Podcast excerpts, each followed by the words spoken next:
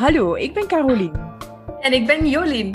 En welkom bij onze podcast waarin wij in een experiment stappen. Om in 2021 miljonair te worden. Volg onze avonturen op de weg hier naartoe. Oké, we zijn aan het recorden. Alright. Switch on. Hallo, hallo allemaal. Wij zijn deze maand bij de vijfde aflevering. Ben ik juist, Jolien? Ja, je bent juist. De vijfde aflevering van de podcast The Millionaires. Mm Yes, welkom. Ook uh, hallo van je mij, Jolien. Um, en Caroline en ik um, zouden eigenlijk graag een keer een kleine samenvatting geven van waarover dat eigenlijk dat experiment gaat. Um, dus wij zijn in januari begonnen met het Million Dollar Experiment van Joanna Hunter. Mm En ons doel is eigenlijk om tegen eind 2021 een miljoen euro, een miljoen dollar... Een miljoen... Dollar is ook oké voor mij. Ja. Pound, nog beter. te verdienen door eigenlijk vooral aan onze mindset te werken. Het is eigenlijk een experiment, een soort van uh, container dat uh, Joanna um, wil bouwen op, uh, op Facebook, dat ze nu mee bezig is. Um, en zij begeleidt ons eigenlijk met verschillende methodieken, met verschillende concepten, doorheen eigenlijk dat mindsetwerk, zodat je eigenlijk in staat zou moeten zijn om tegen het eind van 2021 miljoen te verdienen. En het gaat eigenlijk echt om je limiting beliefs, dus je beperkende overtuigingen rond geld, um, eigenlijk ja, tegen te gaan. Want als er een keer bij neer bij stilstaat, ja, als je er goed naar kijkt, dan merkt je wel in alles wat er gebeurt um, overdag of zelfs in je dromen s'nachts, dat je bepaalde um, concepten of bepaalde ideeën hebt over geld, over rijkdom, uh, bepaalde visies daarop hebt. En die kunnen u eigenlijk beperken in uw, ja, in uw mogelijkheden, eigenlijk, ja. bij wijze van spreken. Ja. En um, in uh, podcast 1 hebben um, Caroline en ik daar ook al over gesproken, wat we bij onszelf herkennen. Um, omdat die eerste uh, live video's van Joanna en de eerste pagina's van haar boek en ook de eerste post, die waren wel heel confronterend. Je moest een snapshot nemen van jezelf, van waar sta ik nu op vlak van geld, hoe denk ik over geld. En zij ging daar eigenlijk dan wel redelijk de confrontatie mee aan, uh, waardoor dat wij, en ook door samen te babbelen, Caroline en ik, Mhm. wel heel veel ontdekten van, goh, dat zit eigenlijk nog niet 100% zoals het moet zijn. En eigenlijk belemmer ik mijn ja, groei op vlak van rijkdom, maar ook op vele andere vlakken, door die ideeën te hebben. Dus eigenlijk willen wij nu, via deze podcast, um, bepaalde van die beperkende overtuigingen um, ja, open en bloot vertellen, hoe dat we daarmee omgaan, wat dat we geleerd hebben door Joanna, door heel het experiment op Facebook, door haar boek te lezen, door haar lives te beluisteren, maar ook vooral door met elkaar te spreken, te sparren. We hebben een uh, Millionaires um, uh, WhatsApp-groep. Dus als we Mhm. iets merken, vertellen we dat aan elkaar. En eigenlijk zijn we elkaar ja, daarin heel erg aan het ondersteunen om eigenlijk dat miljoen te kunnen verdienen tegen het eind van het jaar. En sowieso, en ik zeg dat niet omdat het misschien niet zou kunnen lukken om dat miljoen te verdienen, maar eigenlijk is het nog zoveel meer waard dat je die eigen beperkende overtuigingen kunt herkennen en dat je ook weet hoe de, dat je ermee moet omgaan en ook hoe dat je ze kunt omdraaien. En dat is zo krachtig en dat helpt je in zoveel facetten van je leven, dat het uiteindelijk voor mij al echt in die ja, vijf maanden dat we dit nu doen, al zo'n ommekeer is geweest. Het is echt Mhm. fantastisch al geweest. De reis dat wij alle twee al hebben afgelegd. Mhm. Gewoon door ja, dingen te willen ontvangen, dingen te willen zien, dingen te willen herkennen. Het is echt al fantastisch geweest. Dus ik hoop dat jullie, de luisteraars thuis, ook al bepaalde dingen hebben kunnen herkennen, ook al met bepaalde concepten zijn beginnen spelen.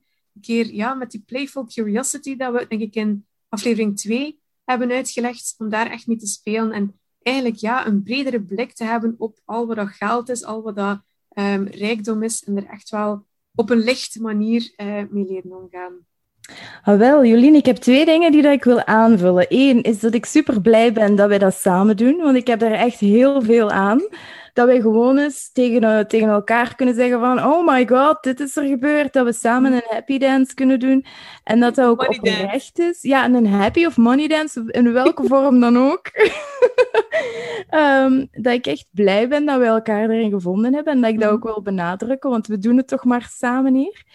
En inderdaad, ik hoop ook dat jullie door het proces dat wij meemaken, want dat gaat zo met energie, dat klinkt altijd heel raar, maar het feit dat je, ja, je voelt de energie van die andere personen en ik hoop dat wij met onze energie, de groei dat wij maken, ook een beetje doorgeven aan jullie, waardoor dat jullie er ook van profiteren, dat jullie gewoon luisteren. Want ja, dat, ja, dat is echt. Hè. Ik heb ook al opleidingen gevolgd. Ik heb nu een opleiding gevolgd bij uh, Denise Duffield Thomas. Dat is ook een miljonairsvrouw. Dat was de eerste miljonair waar dat ik zoiets van had van... Wow, als zij dat kan, dan kan ik dat ook. Vraag me niet hoe dat komt, want op mijn momenten denk ik nog altijd van... Hmm, precies, precies toch nog niet wat dat zij kan. Maar door haar door mij te omringen met haar energie en, haar, en, en hoe makkelijk dat zij het doet lijken. En misschien hoeft het alleen maar dat te zijn. Het feit dat het makkelijk lijkt, dat je dan de kracht krijgt om het gewoon te doen. En misschien ga je dan niet onmiddellijk through the roof, ook al willen we dat natuurlijk wel. Maar die, ja, die incremental steps, die, die, die kleine stapjes omhoog, hè, ook de twintig stappen hebben we besproken, dat, maakt echt het verschil. En dan wil ik nog even... Ik had mijn doelen een hele tijd geleden opgeschreven en ik was dat blad nog eens terug tegengekomen. En ik zag toen dat mijn next step was toen, en ik weet niet meer welke stap dat is, maar dat was de 4000 en een klets, 4096 euro.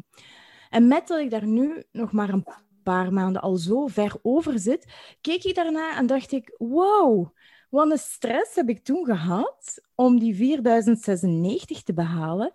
En kijk eens waar dat ik nu zit, zoveel stappen verder al. En ik moet zeggen, de volgende stap lijkt weer zo onmogelijk, hè?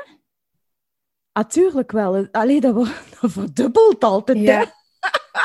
dus van, ah ja, oké, als ik de volgende stap wil halen, ga ik nu wel 15.000 euro. Ja, ja, ja. Hoe ga ik dat doen? Maar het is even onmogelijk of mogelijk als toen die 4096 euro. En dat wens ik echt te geloven. En ik voel dat ook dat dat zo is. Want toen voelde dat ook gigantisch veel. Hè? Dus ja, nu voelt dit gigantisch mhm. veel, maar die 4096 lijkt nu peanuts.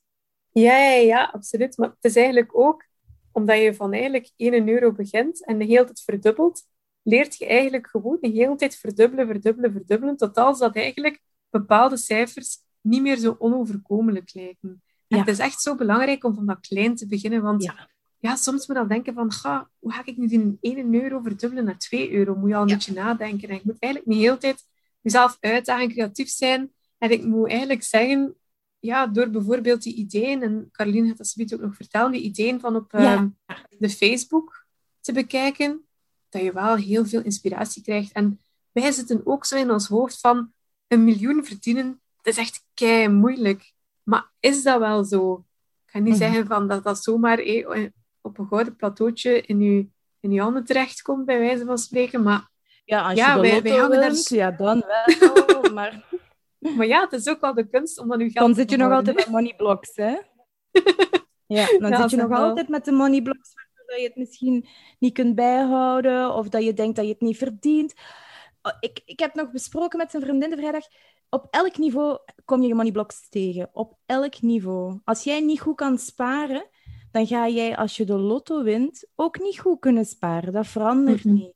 Dus pak alsjeblieft die money blocks aan, want zo belangrijk. Maar inderdaad, ik ben in de Facebookgroep gaan kijken, omdat ik echt wel nieuwsgierig was omdat we nu ook stap per stap verder raken. Want in het begin was het vooral zo van 1 euro naar 2 euro. Welke ideeën kregen ze? Het waren wel leuke ideeën hè, om, om een dollar in een hartje te vouwen en dat dan te verkopen aan je dochter. Heel schattig. Maar zo ga je geen miljonair worden, tenzij... Ja, kan natuurlijk, maar dan heb je heel veel werk met dollar. Wat dat me ook super vermoeiend lijkt, maar het kan voor de, voor de fans van het vouwen. maar, dus wat ik tegen... Origami origami-fans. Uh, geen oordeel over. heel mooie Kan heel therapeutisch zijn. Voilà. Zo'n, uh, hoe heet die vogels weer? Kraanvogels. Ja, supermooi. Prachtig, hè? Supermooi. Ik doe dat soms met mijn servetten. Met zo kerst en zo. Dan ga ik die... Of met... Maak daar bloemetjes van. Ja, bloemetjes. Oh, ik heb al een ster geprobeerd. En een kerstboom. En een hartje met Valentijn. Dus... Waterlelies. Oh, Goeie tip, goeie tip. maar ik ben dus in, in de Facebookgroep gaan kijken. Nu, Jolien, ik heb wel bij sommige dingen, bij sommige dingen heb ik mijn bedenkingen. Maar dat is misschien. Ik ben, uh, gelijk dat ze noemen, archetype de inner banker. Ik ben een hele voorzichtige. Mhm. Ehm, ja, ik vind soms dingen echt wel gevaarlijk. Zoals een van de vrouwen, die zat aan stap 17, maar die was wel al eventjes bezig met crypto trading. Mhm. En dat is dan uh, Bitcoin, hoe heten ze allemaal? Doge, Dogecoin, ik weet niet wat dat de namen zijn. Alle coins zeker? Allee, dat gaat toch over... Ik denk het wel, hè? Dat is crypto. Ja, ja, inderdaad. Cryptocurrencies, ja. Voilà. Maar daar krijg ik een beetje kiekenvel van, van zo'n dingen. Vind jij Ja, dat zijn dus zo dingen dat je moet doen met geld dat je... Allee, gelijk als je het 50 euro investeert, dan moet dat bijvoorbeeld een briefje van 50 euro zijn. Als dat, uit je por- als dat uit je portefeuille valt op de straat en je ziet dat niet, dan is het niet zo van, oh nee, ik ga nu het einde van de maand niet meer halen. Het is echt zo Klopt. geld dat je niet echt nodig hebt. Want Schokken. ja, het is eigenlijk... In mijn ogen is dat gokken, hè. Ja, tenzij dat je er echt veel van kent. Want er zijn natuurlijk Ja. mensen hè, die er vrij veel van kennen, maar moet je echt al gaan verdiepen, want er zijn zoveel van die cryptomunten. En echt waar, ik kijk soms op mijn vriend zijn, eh, zijn app, Ja. dat ja, van de een op de andere dag kan het halveren. Hè. Ah, wel, en ik vrees ook, maar dat weet ik natuurlijk niet zeker, want ik ben geen kenner. Dus als een van de luisteraars wel een kenner is, laat het mij alsjeblieft weten. Ik vrees ook dat dat een soort van luchtbubbel is.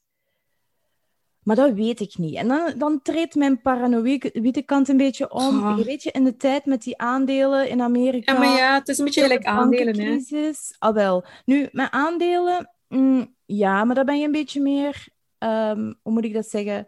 Eén, je moet er wel wat van kennen. Of een heel goede bankier hebben die dat jou daarin helpt. En je bankier vertrouwen. Nu, je Mhm. hoort, daar zit mijn probleem een beetje in. Ik vertrouw op dat vlak eh, banken niet zo erg. Maar dat kan wel betekenen dat mijn wantrouwen mijn groei doet stoppen. Daar hou ik rekening mee Mhm. ik probeer daar wel dingen over te lezen. Ehm, ik, weet je, in een tijd kende Paul Doornach, dat is zo Ja, een financiën-expert. Ik heb al die boeken gelezen. Ik ben het type dat die boeken leest. Omdat ik heb altijd al interesse gehad in geld. Ik, op een of andere manier is dat zoiets, wauw, ik wil dat. Nu, vanaf het moment dat het gaat over complexe investeringen, hmm, dat gaat mijn petje eigenlijk wel te boven. Dat moet ik wel eerlijk zeggen. Maar ook omdat ik me daar nog niet in verdiept heb. Mhm. Maar ik heb wel bijvoorbeeld via mijn bankier heb ik een aantal investeringen gedaan in aandelen. Inderdaad, met geld dat ik kwijt kan. Maar om nu te zeggen, ik ga dat nu doen met, met het geld dat ik allee, nu aan de kant heb staan. Wat, het is sowieso een risico. Hè. Dat zijn risico-investeringen. Alleen je hebt aandelen die laag risico inhouden. Je hebt dan ook ja, aandelen die groot eh, risico inhouden. Maar ja, ik denk dat als je dat via de bank doet, dan moet je zo eigenlijk een, ehm, zo Ja. een lijstje in, een formulier invullen en dan komt eigenlijk je profiel eruit. klopt. En je moet je daar totaal niet aan houden, maar je bankier gaat zeggen, ja, maar uw profiel is eigenlijk Ja. niet aan te raden om hoog risico investeringen te doen. Ja, als jij denkt van eh, dat geld dat ik hier nu apart voor mijn miljonairsrekening heb, heb gespaard, als ik dat kwijt ben, god, tant pis, ik weet nu toch hoe dat moet om het allee, 1 euro te verdubbelen, bla bla bla, ik ga ervoor. Ja, als dat uw mindset is, heel Ja, goed, hè. tuurlijk. Maar ik ben En ook, het is soms ook. Het is... Ja, al wel. Ik, ik ook. Maar het is soms natuurlijk wel aan die, aan die waaghalzen en die hebben dan. Maar ik denk dan ook zo soms aan, aan dat feast and famine. Daar kan je ook feast and famine in zijn. Hoog risico. Hoog risico nemen kan ook heel grote verliezen. En dan zit je ook weer met een soort van constante waar dat je toch weer niet door Mm. groeit. Dus ik zou toch. Maar nogmaals, als mensen meer weten over Ja. crypto trading en ons dat willen laten weten, Mhm. alsjeblieft. Maar Caroline, Dan ik denk mag- ook dat het is omdat Ja. wij daar een bepaald gewicht aan hangen. Hè. Wij, wij denken waarschijnlijk van, oh, we zijn hier nu op niveau, hij pakt nu dat je aan stap 10 zit, we zijn hier nu aan stap 10. We komen, als je nu wat geld verliest, dan zouden wij dat zien als falen, om even eh, Ja. on topic te zijn. Terwijl sommige mensen kunnen dat, eerst zien, van- kunnen dat eerder zien van, oh ja, het is niet gebeurd, maar ik weet toch hoe dat, dat ik terug aan stap 10 moet geraken. Dus oh, ik heb geprobeerd, ik heb Playful Curiosity toegepast. Ik ga er terug voor. Maar wij zijn gewoon zo niet. Wij, wij hangen daar heel veel gewicht aan, aan die trading en die onzekerheid. Ja, En ik denk dat dat eerder daarom gaat. Het is allemaal, allemaal Klopt. mindset. Daarom dat ik het inderdaad ook wil aanhalen en zeggen van kijk, ik ben daar een voorzichtige in, want ik raad of ik raad niks aan, maar ik raad ook niks af op dit vlak. Want ik weet het niet. Misschien dat ik daarom ook nog maar in die stap zit en niet al vijf stappen verder. Hè? Dat kan het ook zijn. Nu, een andere persoon, en dat vond ik wel super cool, die was meubels aan het upcyclen. Dus die koopt Cool. heel goedkoop, eh, ik zeg ze maar iets, een oude stoel en die maakt daar iets exclusief van. Is Ah ja, echt wel. Er was echt een foto bij. Dat was echt wel... ah, het is niet mijn stijl, maar ik kan me wel voorstellen... Ja, dat is, dat is echt wel een niche. Je kan dan een soort van luxueuzere prijs aanvragen, want het is een Mhm. uniek object. En in C heb je het niet volledig zelf gecreëerd, maar heb je daar wel een upgrade aan gegeven. Dus dat Ja. vond ik eigenlijk ook wel superleuk. En ook de, Circulair. ja, en ook voor de creatievelingen onder ons. Hè? Ja, Want super tof. ja, dat je van je hobby idee. dan eh, toch, allez, toch wel dingen kunt aanrekenen. Ja, absoluut. Dan eentje die dat jij goed kent. De rewards bij geld uitgeven. Ah, ja. Ja, die kwam ik ook tegen. Er was iemand die dat daar ongeveer al 800 dollar mee had verdiend. Ik wil niet weten hoeveel dat ze dan gespendeerd heeft eigenlijk. Maar goed, als Ah, het, ik ga het veel jou uitgeven? Want jij hebt zo'n app, hè? Ja, ik ben juist een keer aan het kijken hoeveel dat ik al hier van rewards heb. 19,48. 19 euro. Ja, Yes, en niet door meer uit te geven. Dat vind ik een belangrijke. maar door anders uit te geven. Want allee, bijvoorbeeld dat ik anders eh, in een... Ik ga hier even eh, een merknaam zetten. Ben naar de Tom Co gaan of de Naveven voor eten voor mijn hond. Heb ik Ja. dat nu via een van die rewards eh, op die app gedaan. Ik heb juist hetzelfde gekocht. Niet meer, niet minder, maar gewoon in een andere winkel waar ik wel een reward van kreeg. En de prijzen, is daar een verschil op of niet? Ehm, nee, het was eigenlijk zelfs een beetje goedkoper. Is het echt? Oh, dat is ook zalig. Dat, dat is weer Ja. En mijn lenzen. Mijn lenzen, ehm, in plaats van bij Lens Online, heb ik nu via Hans Anders gedaan. Is het echt? En die doen nou... Je- ja, omdat daar ook een reward op stond. En het was goedkoper ook. Het was goedkoper. Het was dan nog een keer 3 plus 1 gratis. Oh, zalig. Oh, Zalig, daar ik dan van. Als we dan ook nog geld kunnen verdienen De met... Cake app. Wat zeg je? De Cake app. De Cake-app, dat was het, ja.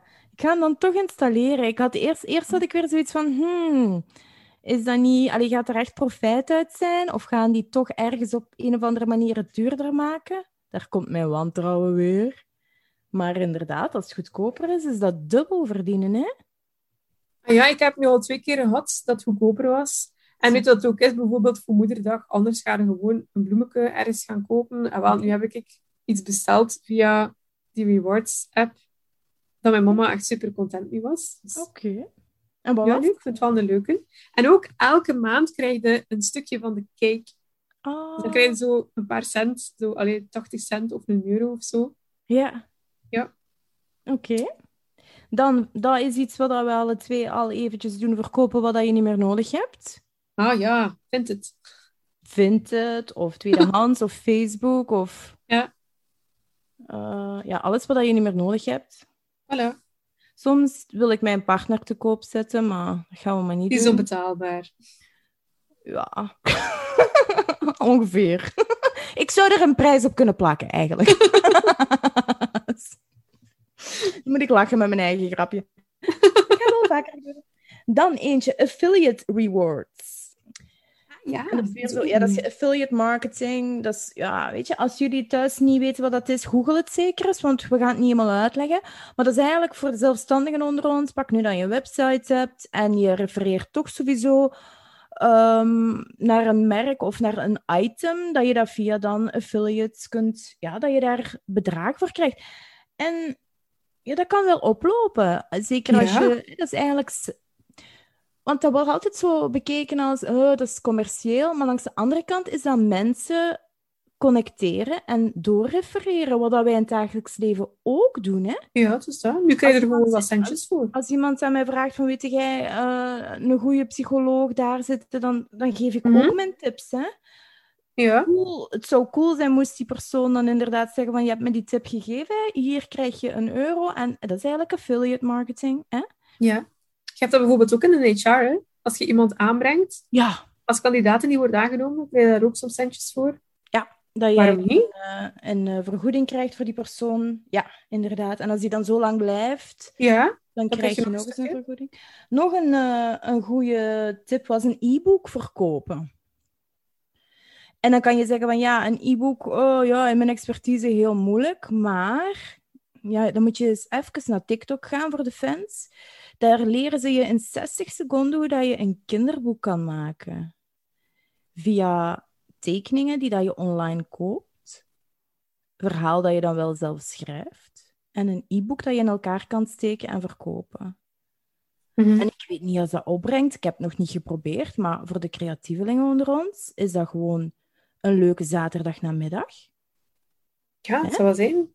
En dan doe je de woorden ook nog eens rijmen en dan verkoop je dat online. Voilà. En je hebt bijvoorbeeld ook sites gelijk Fiverr, en daar zitten er ook echt wel goede creatievelingen op, graphic designers bijvoorbeeld, Ehm, waar je ja, kunt aan vragen om een cartoon te maken of zo, inderdaad. Er zijn echt heel veel, zeker op TikTok, er zit daar zo'n dame die echt heel veel goede ideeën heeft. Ja. Bijvoorbeeld ehm, luisterboeken inspreken, Ja, die je ja, geld voor krijgen. Allee, ze heeft echt super toffe dingen. Ja, en dan is het wel natuurlijk, dan denk ik van ja, wij als, als Belgen met ons accent, maar op zich, ja, laat een Indiër eh, een Engelse tekst inspreken, dat is hilarisch. Wij zijn ook wel vast hilarisch met ons accentje. Hè? Oh ja, charmant. Charmant, hè? Ja. Ik weet niet hoe dat Indisch accent vind ik ook echt super charmant. Wat vind In je? het Engels. Ik vind dat heel charmant. Ja, Een hè? Indisch accent in het Engels. Fantastisch. Nog een tip was dropshipping. Dat is ook een term dat jullie moeten googlen. Dus dat is eigenlijk in plaats van producten zelf te maken... Ja, ik, ben ik zeg google de term, maar ik leg het toch uit. Oh, het is typisch. Kan Dus, laten. Ze zijn heel abundant in je... Ja, altijd, hè. Kan het niet laten. Als ik info heb, moet ik die delen. Eh, dus dropshipping is eigenlijk... Pak nu dat je een, een leuk design hebt, of je hebt zo'n logootje gemaakt, of een leuke quote, en je wilt die op t-shirts laten drukken, maar je wilt zelf geen t-shirts drukken, omdat daar toch wel altijd een investering aan vasthangt en dergelijke. Dan kan je dat via dropshipping doen. Dus dan stuur je gewoon dat logo, je maakt die online en zij maken de t-shirt. Maar dat betekent dan ook dat je geen stok hebt of zo. Begrijp je? Als iemand een t-shirt Nee. koopt, gaat hij rechtstreeks naar die dropshipping site. Dat staat daar. Die bestelt Ah, en zo. zij maken die. En zo is dat bijvoorbeeld ook met, met koffietassen en dergelijke. Maar moet je een bepaald aantal afnemen dan, of niet? Logischerwijs wel, dat heb ik niet onderzocht. Maar dat is wel Ah. het systeem erachter. Dus dat je eigenlijk zelf niet meer met allee, 500 koffietassen zit met je logo op in huis, maar dat je dan pak er 10 daar bestelt en dat zij die dan on hold zetten of zo. Maar dat is dropshipping.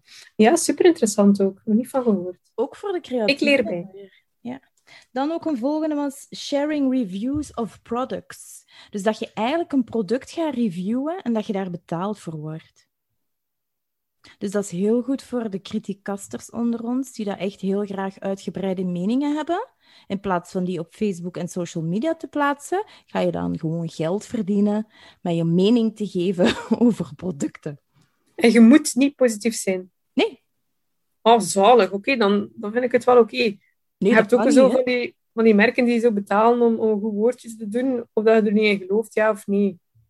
Ja, wel, dat, er zullen er wel zo tussen zitten, maar dat gaat bijvoorbeeld, denk ik dan, om een bol.com of zo, weet je? Die dat zo'n soort van eh, platform bieden. Ik weet nu niet als Bol dat zelf doet, hè. dat moet je echt eens eh, opzoeken. Maar er was iemand die dat daar... Ja, het is natuurlijk wel, de USA is daar wel wat, wat groter en exotischer in, laat ik het Ja, zeggen. ik denk het ook wel. nog wel wat tien jaar achter op Holland, op Nederland, excuseer. En dan ook nog eens vijf jaar op de USA, vrees ik. Maar als je nu al een trendsetter wilt zijn, moet je een beetje dingen doen uit de USA. Dus ga reviews schrijven en word ervoor betaald. Nog een goede tip was je prijzen doen stijgen. Je prijzen omhoog doen. Verdubbelen, whatever. Maar gewoon meer geld gaan verdienen door je prijzen hoger te doen. Mhm. Voilà, dat was het wat ik was tegengekomen. Ik denk dat dat wel al een hele lijst is. Ja, zeg wel. Zo'n leuke ideeën ook, Caroline. Ik ga het in de gaten blijven. Wat? Ben je geïnspireerd? Ja, ik heb bijgeleerd. En misschien ook wel geïnspireerd. Misschien dat vannacht tijdens mijn dromen dat ik ineens een miljoen heb door uh, kinderboekjes te maken. Wie weet. Oh. Vannacht heb ik trouwens gedroomd dat ik een Pikachu had in een echte. Ik was leuk. echt mega teleurgesteld toen ik wakker werd. Oh ja, ja. dat zal wel. Maar bon. Wel, wel. Daar hebben wij ook al hier al over gesprekken gehad. Heel veel eigenlijk. Eh, je weet dat ik Pokémon Go speel? Ja. Moesten daar nu een keer geld mee kunnen verdienen? Ja, of ja, dat kan hè. Er zijn mensen die dat, dat professioneel doen hè. Oké. Alleen ben ik niet zo. Ik dacht dat ik een, een professionele Tetris-speler was, maar blijkbaar niet. Blijkbaar zijn er mensen die nog meer talent hebben dan ik. En dan gaan we naadloos over in ons topic van vandaag. En dat is falen. Falen. De, de kracht van falen noemde jij het. Ja, de kracht van falen, inderdaad. En waarom noem ik dat de kracht van falen? Omdat ik zelf ben iemand die eigenlijk is opgegroeid met de gedachte van je mag niet falen en Mhm. alles waar je aan begint moet je goed, eind, goed beëindigen en je moet altijd succes hebben. En ik weet nog als kind dat ik soms dingen niet durfde vertellen omdat het niet goed was. Of dat ik zo in mijzelf, in mijn hoofd dan een verhaaltje er rond Oh, verzon of creëerde ja. om het wat te verzachten, gewoon omdat, ja, Dat te dat veel was gelijk iets slecht. Ja. Hm? En dat is ook echt iets dat pijn doet, hè? Ja, ja, ja. Maar ik heb gelukkig het afgelopen jaar wel geleerd dat falen, ga, dat het eigenlijk zo erg niet is. Want uiteindelijk, als je dat toelaat, kun je er zoveel uit leren. En dan heb ik dus de kracht van falen. En ik was daar onlangs ehm, over bezig tegen een vriendin van mij. Ehm, haar naam is trouwens Frankie en ze heeft zo een, ehm, een Facebookgroep, de Mhm. Secret, de Secret Mindset Club noemen het. Het is echt een Ah. superleuke groep en allee, ze is echt fantastisch. En we, we hadden dus over, over falen, over de kracht ervan. En ze zei van, eigenlijk moeten we het niet falen noemen, eigenlijk moeten we het redirections noemen. Dat is Engelse. En ik vond dat zo mooi. Ik vond dat echt zo mooi. Eigenlijk, ja, het is niet echt falen, het is gewoon tonen van, ah, dat pad lukt niet. Neem een keer een andere route en misschien lukt het dan wel. Terug die playful curiosity, waar dat Joanna het altijd over heeft Klopt. licht houden, een keer testen, zien van, ga, het werkt niet. Oep. Dat is eigenlijk ook gelijk wat de wetenschappers doen. Hè? Hoeveel keer moeten ze er niet testen? En eh, zie nog altijd professor Hobelijn vanuit Jommeke met zo'n verschroeide haardos naar buiten komen, dat zoveelste keer zijn experiment was mislukt. Bon, uiteindelijk, ja, daar gaat het om. Hè. Je gaat zoveel toffe dingen ontdekken. Misschien niet wat je wou, maar je gaat zoveel ontdekken gewoon door dingen dat mislukken. Ook daar is het pure mindset, heb ik geleerd. Want Ja. ik, ik moet zeggen, ik ben... Toen dat ik 18 was, moesten wij kiezen om verder te studeren. En ik was er op dat moment echt letterlijk van overtuigd dat ik dom was. Omdat, ja, het liep niet goed op school. Ja, je, je, je frons nu, maar dat was, dat was echt zo. Dat is niet om medelijden Hm. op te wekken. Ik dacht echt dat ik dom was. Iedereen had zoiets van geen goede punten. Eh, ja, van thuis uit werd dat ook absoluut niet meegegeven dat dat tegenovergestelde zou kunnen zijn. Dus dat zat in mij. Ik ben dom, ik kan het niet. Hm. Toen dat ik dan ehm, met een vriendin, ja klopt, op mijn negentiende heb ik een IQ-test gedaan. Een professionele, maar wel op de computer gewoon. Dus dat was zo... Mijn stiefvader was zo'n computernerd en die had natuurlijk alle programma's gehackt en weet ik veel wat. Allee, gehackt. Eh, die, die, die, ja, die, die, die haalde dat af en die kon dat allemaal. En dan heb ik eens een IQ-test gedaan en ik ga het cijfer nu niet zeggen, want dat doet er voor mij niet toe. Maar ik was verbaasd dat ik zo hoog scoorde. Hm. Die vriendin dat bij mij was, die in mijn klas zat, was ook ba- verbaasd. En die was zelfs boos op mij, omdat hij zoiets had van... Hoe kan dat? Hoe kan dat? Je haalt geen goede punten. Mhm. En dat maakte dat ik niet naar school durfde te gaan. Dat maakte dat ik op mijn 25ste ben opnieuw beginnen studeren, psychologie. Iets wat ik altijd wilde doen, maar uitgesteld had. En dat ik op mijn 25ste door heel dat proces moest van examens doen. En als ik faal, als ik het niet haal, ben ik geen idioot. Want dat was een heel Hmm. zwaar proces voor mij, want bij mij hing falen vast aan dan zijt zijn. je niet slim. Weet je, Ja. dat was zo een, een mindset-koppeling dat ik had. Dus dat was echt pure stress, al die examens. als ik geen 9 haalde op 10 was dat daar, want dat was via het Nederlands systeem module leren. Als ik geen 9 op 10 haalde, was ik een loser. Um, bewees ik dat ik inderdaad niks waard was. Zo zwaar was dat voor mij. Dus ik heb daar moeten groeien. Um, en daar, in die studie, heb ik leren falen. En ik weet dat ik op een gegeven moment echt heb gezegd van, ik ga nu een keer buizen om te voelen hoe dat, dat is. Want ik buisde nooit, want ik studeerde eigenlijk best wel veel. Ook al werkte ik voltijds. Dat was wat perfectionisme dat in gang schoot. Hè? Um, over presteren. En dan heb ik dat inderdaad, weet je, met vijven. Een vijf was natuurlijk gebuist, dus dat kon ik niet laten staan. Maar een zes, weet je, door dat niet opnieuw te doen, maar die zes te laten staan. En mezelf niet als een idioot te zien omdat ik een zes mm heb. Mm Zes op tien nog wel, hè? niet op twaalf. Begrijp je? Allee. En dat is wat ik bedoel met mindset. Hoe lang dat ik mij geschaamd heb over het feit dat ik op 25 terug ben beginnen studeren. Terwijl dat me, ik had er vrijdag nog over en die zei, mijn vriendin, nu, mijn vriendin heeft drie diploma's, dus ze mag niet klagen, maar die had zoiets van, wow, je, je werkt en je studeert, hoe doe je dat? Die keek daar een beetje naar op, terwijl dat ik al die jaren in de grootste schaamte heb geleefd van, mm. ik doe dit nu voor de eerste keer en het mhm. is maar een slap afkooksel van het echte werk. Dus hoor oh je hoe dat zelfs een mooie prestatie, ja. dat je dat zelfs niet meer gaat zien. En ik heb me daar echt jaren voor geschaamd. Dat dat via dat parcours was. En niet via het geëikte, we gaan naar de KUL of we gaan naar Gent. Ja, ja, ja. Hè? Uh, ook, ja, je moet denken, psychologen kunnen ook wel elitair zijn daarin. En dat is dan zo van, mm ja, uh, afstandsonderwijs, Nederland zijn ze veel soepeler. Bij ons was het veel zwaarder. Weet je, zo... zo... Dus ook al had het gehaald, had het toch zo'n soort van minderwaardigheidscomplex. ja, ja. En ik denk zelfs, om eerlijk te zijn, als ik naar mezelf eerlijk ben, zelfs had ik het gedaan in de KUL en ik had het ook vast wel gehaald, maar ik had er waarschijnlijk iets harder voor moeten werken. Dat weet ik niet. Voor hetzelfde geld is het even zwaar. Dat weet ik natuurlijk niet, want ik heb het niet gedaan. Dan was het na die master waarschijnlijk nog niet goed genoeg geweest. Weet je? En dan ben je zo'n type persoon dat inderdaad meerdere diploma's gaat halen en het is nooit goed genoeg. Het is nooit mhm. voldoende. Maar dat is pure mindset. Ja, ik moet zeggen, ik herken me wel een stuk in het feit van, ook al was het goed, dan dacht ik van, had ik nu toch een beetje beter mijn best gedaan, dan ging het misschien nog beter geweest zijn. Ja. Dat is aan de ene kant niet slecht, hè? jezelf pushen om het allemaal beter te doen, absoluut niet. Maar het mag ook niet allee, destructief worden, is misschien een beetje een zwaar woord, maar op een duur gaat je nooit meer tevreden zijn. En ik heb mijn Instagram-handle gekozen, Jolien Content, gewoon omdat ik wel geloof dat content zijn, tevreden zijn over wat je doet, of dat het nu heel goed gelukt is, een beetje gelukt is, of totaal niet gelukt is.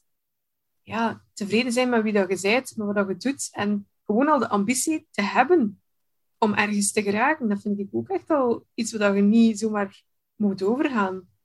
Dat is uh, een beetje zak zijn voor jezelf op, op een bepaald moment. Klopt, en dat is ook echt iets, zeker met zelfstandigen zijn, hoe vaak dat je daar faalt, dat was echt een leerschool. En dat was ook mhm. weer terug die spiegel van, ah, fuck. Weet je, want op den duur, en, en veel perfectionisten zullen dat herkennen, uh, ik deed dingen gebeuren. Ik, ik, weet je, ik kon dat. Mhm. Noem het en ik kan het. Weet je, ik, ik geef ook niet af. Dat is zo wat dat koppige in mij. En om dan te beseffen dat ook al steek ik hier al de moeite van de wereld in, dat het pakt niet altijd. Hè? Mhm. het, het blijft niet plakken. dat was zo'n confrontatie. En dan ben ik echt moeten gaan kijken van, ja, maar ofwel word ik hier ongelukkig van, ofwel moet ik mijn mindset bijschakelen en denken, denken van, het is niet het bedrag dat op mijn rekening staat, het is niet het mhm. aantal klanten dat ik, dat ik heb dat mij succesvol maakt. Want mm dat hangt van zoveel andere factoren af dan hoe goed dat je bent. Ja, ja, ja. Daar herken ik me ook wel in. Want ik kan wel eerlijk zeggen, tot ja, een jaar, twee jaar geleden, zou ik ofwel de mening van andere mensen hebben gebruikt als soort van benchmark van ben ik goed bezig. Dat doe ik nu bijvoorbeeld niet meer. Nu is dat gewoon mijn, mijn eigen kompas dat ik gebruik. Wat ook geen gemakkelijk proces was. Ehm, en anderzijds zou ik ook heel vaak um, als mini-nerd naar cijfertjes hebben gekeken om te kijken van, ah, ben ik wel goed bezig? Maar nu durf ik wel meer vertrouwen op mijn intuïtie en ook mijn eigen gevoel van, voel het goed? Voor mij zijn klanten tevreden, zijn andere mensen, lopen ze happy rond, rond mij, dan is dat voor mij ook echt al ja, een reden van succes en denken van, oh, dat is hier goed gelukt. Ik denk dat ik momenteel meer moeite zou hebben met als ik dingen doe die echt perfect gaan, maar als ik mezelf zou mee ongelukkig maken of anderen die ik graag zie mee ongelukkig zou maken. En dan kan het mij echt niet schelen of dat, dat de beste punten zijn of ja, nog iets anders. Als ja, ik vind dat je ja, dat is eigenlijk de enige maatstaf, hè? Ben ik ja, alignment, hè? Daar spreekt Joanna ook superveel over. Aligned met jezelf zijn. Ja, en ik vind als zelfstandige is dat soms moeilijk om die sweet spot te vinden. Want inderdaad, ja. je bent natuurlijk, ja, je, je doet content en uh, copywriting en dat is jouw hm. job en je, je bent daarin getraind. En ik ben coach en dat is soms echt heel hard zoeken Vooral ook om de grens van de, psychologie, de grens van de psychologen niet op te zoeken. Vooral omdat dat ook natuurlijk mijn passie is en uh, mijn studie. Toch wil ik daar weg van blijven om, om die scheiding heel duidelijk te houden. Maar dat maakt het soms ook echt vloe om een product te creëren waar dat ik van zeg...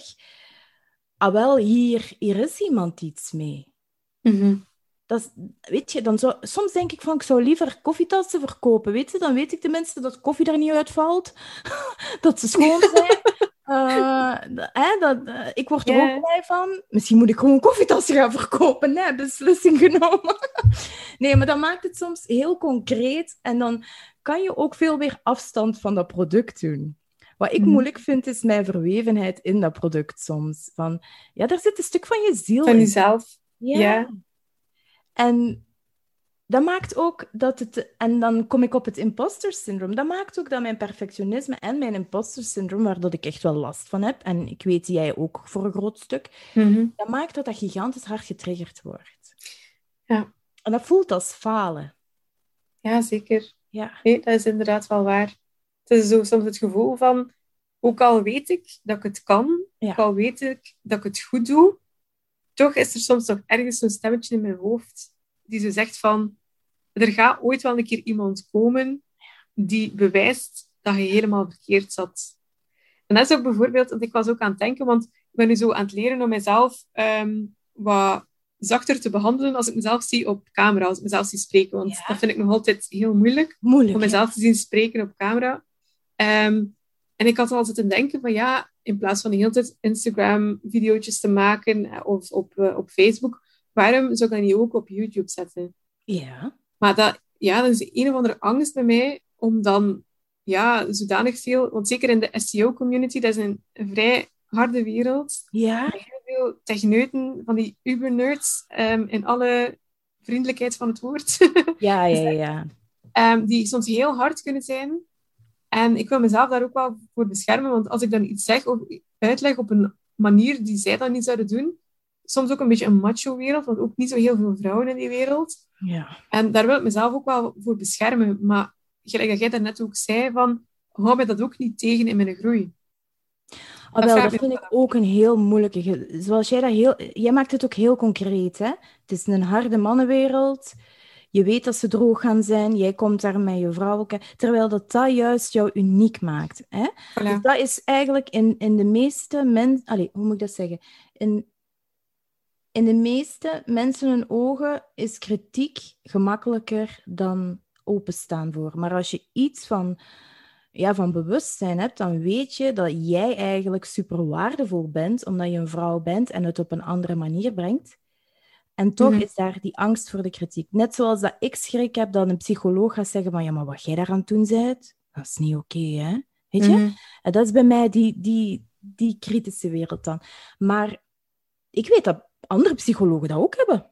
Zelfs die dat zogezegd afgestudeerd zijn aan de, aan de wel goede, of zelfs met een manama, of weet ik veel wat, een expertise, die hebben die angst ook. Dus dat is op zich, dat, je, dat staat los van het feit dat dat kan gebeuren of niet. Dat is puur een angst. En een angst is sowieso irrationeel. Want die Mhm. mannen, die hebben geen schrik. Nee, nee, nee. nee. Alleen nu niet om op, op mannen te steken, maar in jouw geval, die mannen hebben geen schrik. Oh nee, Eh. en die vinden het ook gelijk niet erg om elkaar aan te vallen, Ja. tussen aanhalingstekens, en aangevallen te worden. Die vinden dat gelijk, maar doe het normaal. En daar hebben wij als vrouwen, en dan trek ik wel de vrouwenkaart, we hebben daar nog veel te leren. Wij zijn veel, maar we worden zo ook getraind. Hè? En dan schiet ik in een rant over feminisme. I know, ik ga het niet doen. Laat je gaan, we worden van jongs af aan getraind om niet boven dat maaiveld uit te steken. Zeker als meisje niet. Ja, en de lieve vrede bewaren. Oh mijn god. Ja, ik heb er vandaag nog een post over geschreven. Ik denk dat hem zelfs online gaat. Hoe vaak dat ik niet heb... Ik heb eens, toen dat ik acht of negen jaar was... Ik, ik was een bossy bitch. Ik ben dat altijd geweest. Ik was altijd zo het leiderke. Ik had mijn, mijn groepje achter mij. Klinkt heel akelig.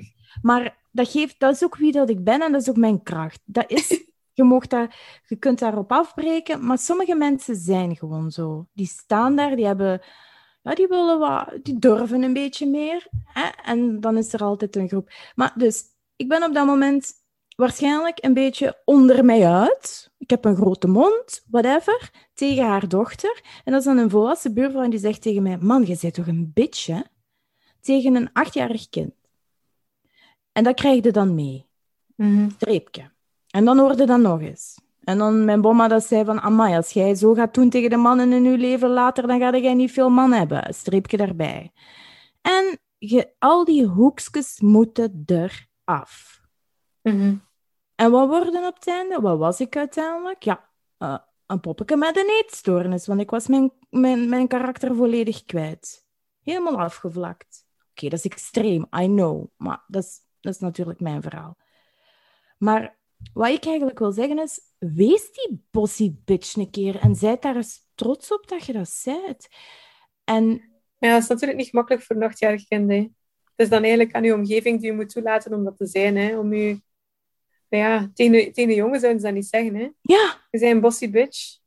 Nee, ja, dat is normaal hè, van de jongen. Dat is, ja, het ligt echt heel veel aan opvoeding. Hè. Een jongen de manier waarop dat je omgaat met falen. een vrouw, bij een vrouw word je dan onmiddellijk teruggefloten, zelfs door andere vrouwen. En daar hebben we echt nog wel... Ik zeg niet dat je over lijken moet gaan, hè. Zeker niet.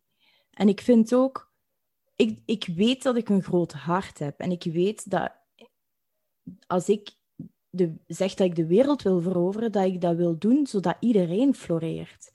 Dus Mhm. dat is mijn waarde dat ik dat zeg Ja. dan gaat dat niet over eh, leiderschap waar dat ik eh, iemand in saboteer en dergelijke. Maar zelfs die leiders die dat, die technieken toepassen, die worden daar niet op aangesproken. Maar wij vrouwen die dat, dat dan met een groot hart kunnen doen, Mhm. vrouwelijk leiderschap, waar dat we van beseffen van we willen hier allemaal vooruit, het is voor een groter doel.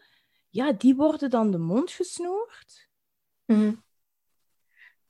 Ja, ik word daar met Ja, maar ik moet wel zeggen, Caroline, ehm, ik vind wel dat om mij heen, natuurlijk, ik ben, eh, ik besef ook wel dat ik zo de, de witte vrouw ben uit de betere klasse. Ja, voor mij gaan er al gemakkelijker deuren open. Maar allee, ik merk ook bijvoorbeeld als ik kijk naar mijn, naar mijn mama of naar mijn tantes, dat van generatie op generatie dat we er wel op vooruit gaan. Ja. Allee, natuurlijk, met mijn witte blik natuurlijk. Ja. Ehm, maar langs de andere kant zie ik nu ook heel veel, en dan die online communities van vrouwen die elkaar steunen door Ja. dik en dun, daar gaat mijn hart dus echt van springen. Hè. Ik vind dat Ja. zo fantastisch. Ja. Ehm, gelijk wat dat Joanne ook, maar groep doet, zijn ook heel veel vrouwen. Hè. Ja. Ik denk bijna allemaal vrouwen. Hè. Ja. En dan die elkaar zo steunen. Facebookgroepen alom, voor ja, gewoon getarget op vrouwen, om elkaar te helpen, om elkaar te ondersteunen, om elkaar te empoweren. Daar, allee, daar, daar word ik enorm, enorm blij van. En je kunt inderdaad wel zeggen van ja, er kan ook heel veel beter, maar ja, op een bepaald moment denk ik ook van, oh, kijk toch ook graag een keer aan wat er al goed is. Het en dan word ik daar heel Ja, ja, vrolijk ja, van. En dat is ook een heel goed tegengewicht, want inderdaad, die groepen waar dat je van spreekt, dat zijn er meerdere, ook waar dat ik in zit. En daar zijn de regels heel duidelijk dat dat niet geduld wordt, zoiets. En dan heb je heel duidelijk een filter en dan gebeurt dat ook niet. Ja. En dat is zo een... Ik kan niet meer op gewoon Facebook zitten. Ah, ik ben zo wel lid van Mechelen, ik weet niet wat allemaal.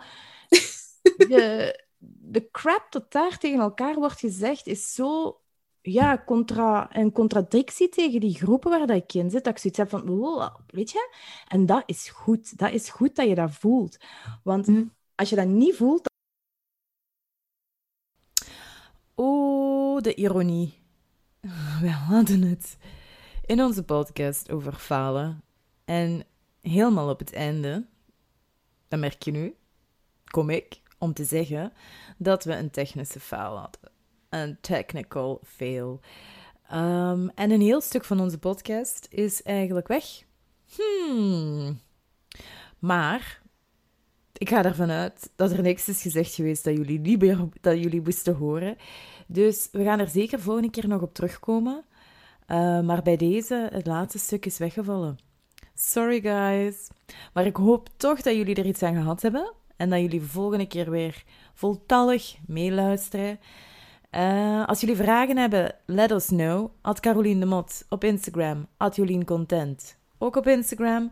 Via DM. Just slide in our boxes. of um, ja, gewoon een hashtag miljonaires. En dan, uh, of ons atten. En dan, dan zien we het wel.